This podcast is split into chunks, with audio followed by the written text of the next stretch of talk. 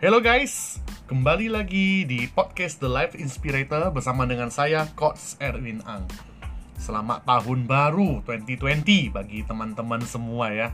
Tentunya di tahun baru yang luar biasa nih, pastinya teman-teman dari segala industri, segala bidang telah memiliki sebuah resolusi apa yang mau dicapai tahun ini, apa target tahun ini, dan apa juga impian tahun ini. Jadi sebagai podcast pertama setelah saya vakum cukup lama ya dalam membuat podcast ini, kita akan mulai dengan tema yang tidak begitu berat terlebih dahulu. Tema ringan-ringan saja. Tapi tema ini sangat bagus sekali.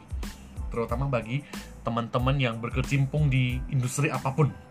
Di penjualan, di back office, dan di mana pun Anda berada. Saya akan membawakan tema pertama, mengapa komunikasi itu bisa gagal. Nah, saya kasih contoh ya, komunikasi gagal. Seorang salesperson menjual produk ke calon konsumen, namun belum berhasil closing. Seorang guru mengajari seorang murid, namun kok muridnya masih belum paham-paham apa yang di, mau diajarkan oleh gurunya. Seorang orang tua mengajari anaknya, eh malah anaknya itu membandel. Contoh lain lagi, seorang atasan yang sedang membina atau membimbing bawahannya. Namun kok pesanan susah sekali masuk. Komunikasinya belum berhasil. Aneh ya, kok bisa seperti itu. Nah, di sini saya akan sharing pada teman-teman. Saya akan mengutip sebuah presuposisi dari ilmu Neuro Linguistic Programming atau NLP. Nah, Presuposisi itu adalah sebuah asumsi yang sudah tidak perlu dibuktikan lagi atau bisa dikatakan itu adalah satu filosofinya berpikir orang NLP ataupun orang yang belajar NLP. Presuposisinya berbunyi seperti ini. Setiap orang memiliki model dunia masing-masing. Nah, saya ulangi sekali lagi, semua orang memiliki model dunia masing-masing. Model itu tercipta dari apa? Tercipta dari hasil dia belajar tercipta dari keyakinan-keyakinan yang dia anut selama ini.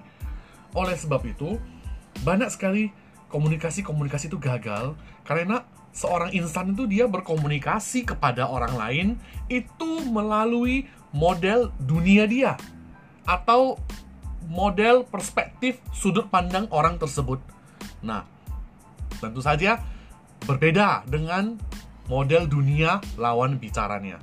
Tentunya kita tahu ya dalam ilmu pikiran itu ada yang namanya pikiran sadar dan juga pikiran bawah sadar. Nah, ini mungkin bagi teman-teman yang belajar hipnosis dan hipnoterapi. Nah, mungkin nanti kalau kita bisa sharing juga tentang ilmu ini.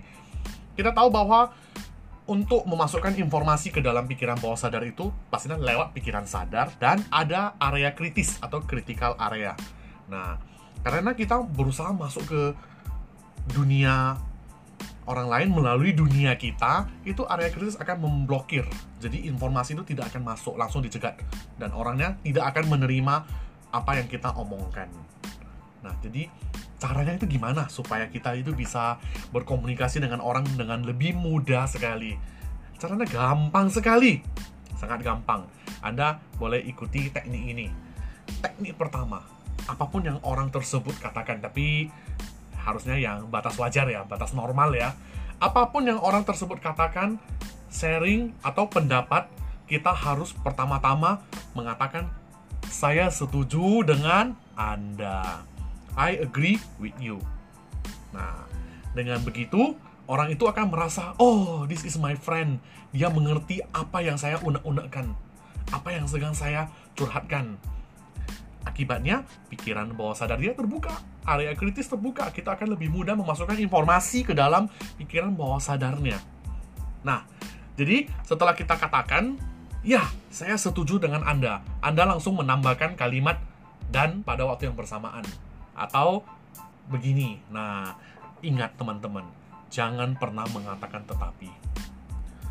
Saya setuju dengan Anda, tetapi itu adalah kalimat pemutus komunikasi.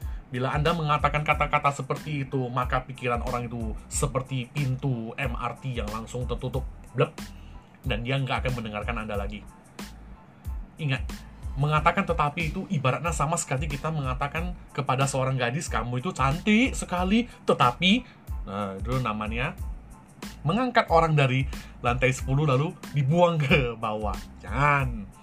Kita harus mengatakan saya setuju dengan Anda. Nah saya akan kasih contoh bagaimana menggunakan ilmu ini saya buat contoh untuk seorang agen asuransi yang mau menjual asuransi nah Biasanya kalau seorang agent tuh prospek ke customer ataupun calon customernya. Nah, begini begono, begini begono, asuransi, ini, ini, Kebanyakan customer menolak ngomongnya apa. Misalnya, Budi, Budi, saya, saya Budi tuh mau nawari asuransi ya. Dia tuh mengatakan gini, Budi, saya ini masih muda, saya tidak perlu asuransi ada ya, teman-teman sering hadapi yang kayak gitu ya. Orang mengatakan saya masih muda, jadi saya belum butuh asuransi. Cara jawabnya gimana? Ini tips yang bagus sekali. Ini bisa membantu teman-teman di industri asuransi untuk mencapai MDRT ataupun President Club ataupun jenjang yang membuat dompet Anda tebal tahun ini. Caranya gini, Anda cukup menjawab, ya, saya setuju dengan Anda anda masih muda dan Anda tidak perlu asuransi. Oleh sebab itu, Anda harus beli asuransi. Karena asuransi itu dibeli saat Anda belum perlu.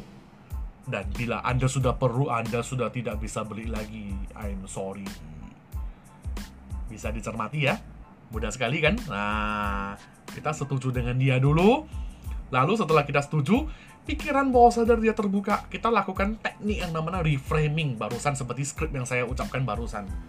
Ini akan mempermudah Anda untuk bisa closing. Karena ini adalah salah satu teknik mematahkan belief orang. Boleh dicoba ya. Ini ilmu yang sangat bagus sekali. Nah, saya akan hadir lagi dengan lebih banyak teknik-teknik, ilmu-ilmu, dan juga banyak sharing-sharing positif untuk membantu teman-teman supaya bisa menjadi pribadi yang lebih baik. Untuk itu, stay tune dengan podcast The Life Inspirator. Jangan sampai kelewatan episode-episode berikutnya. Salam luar biasa.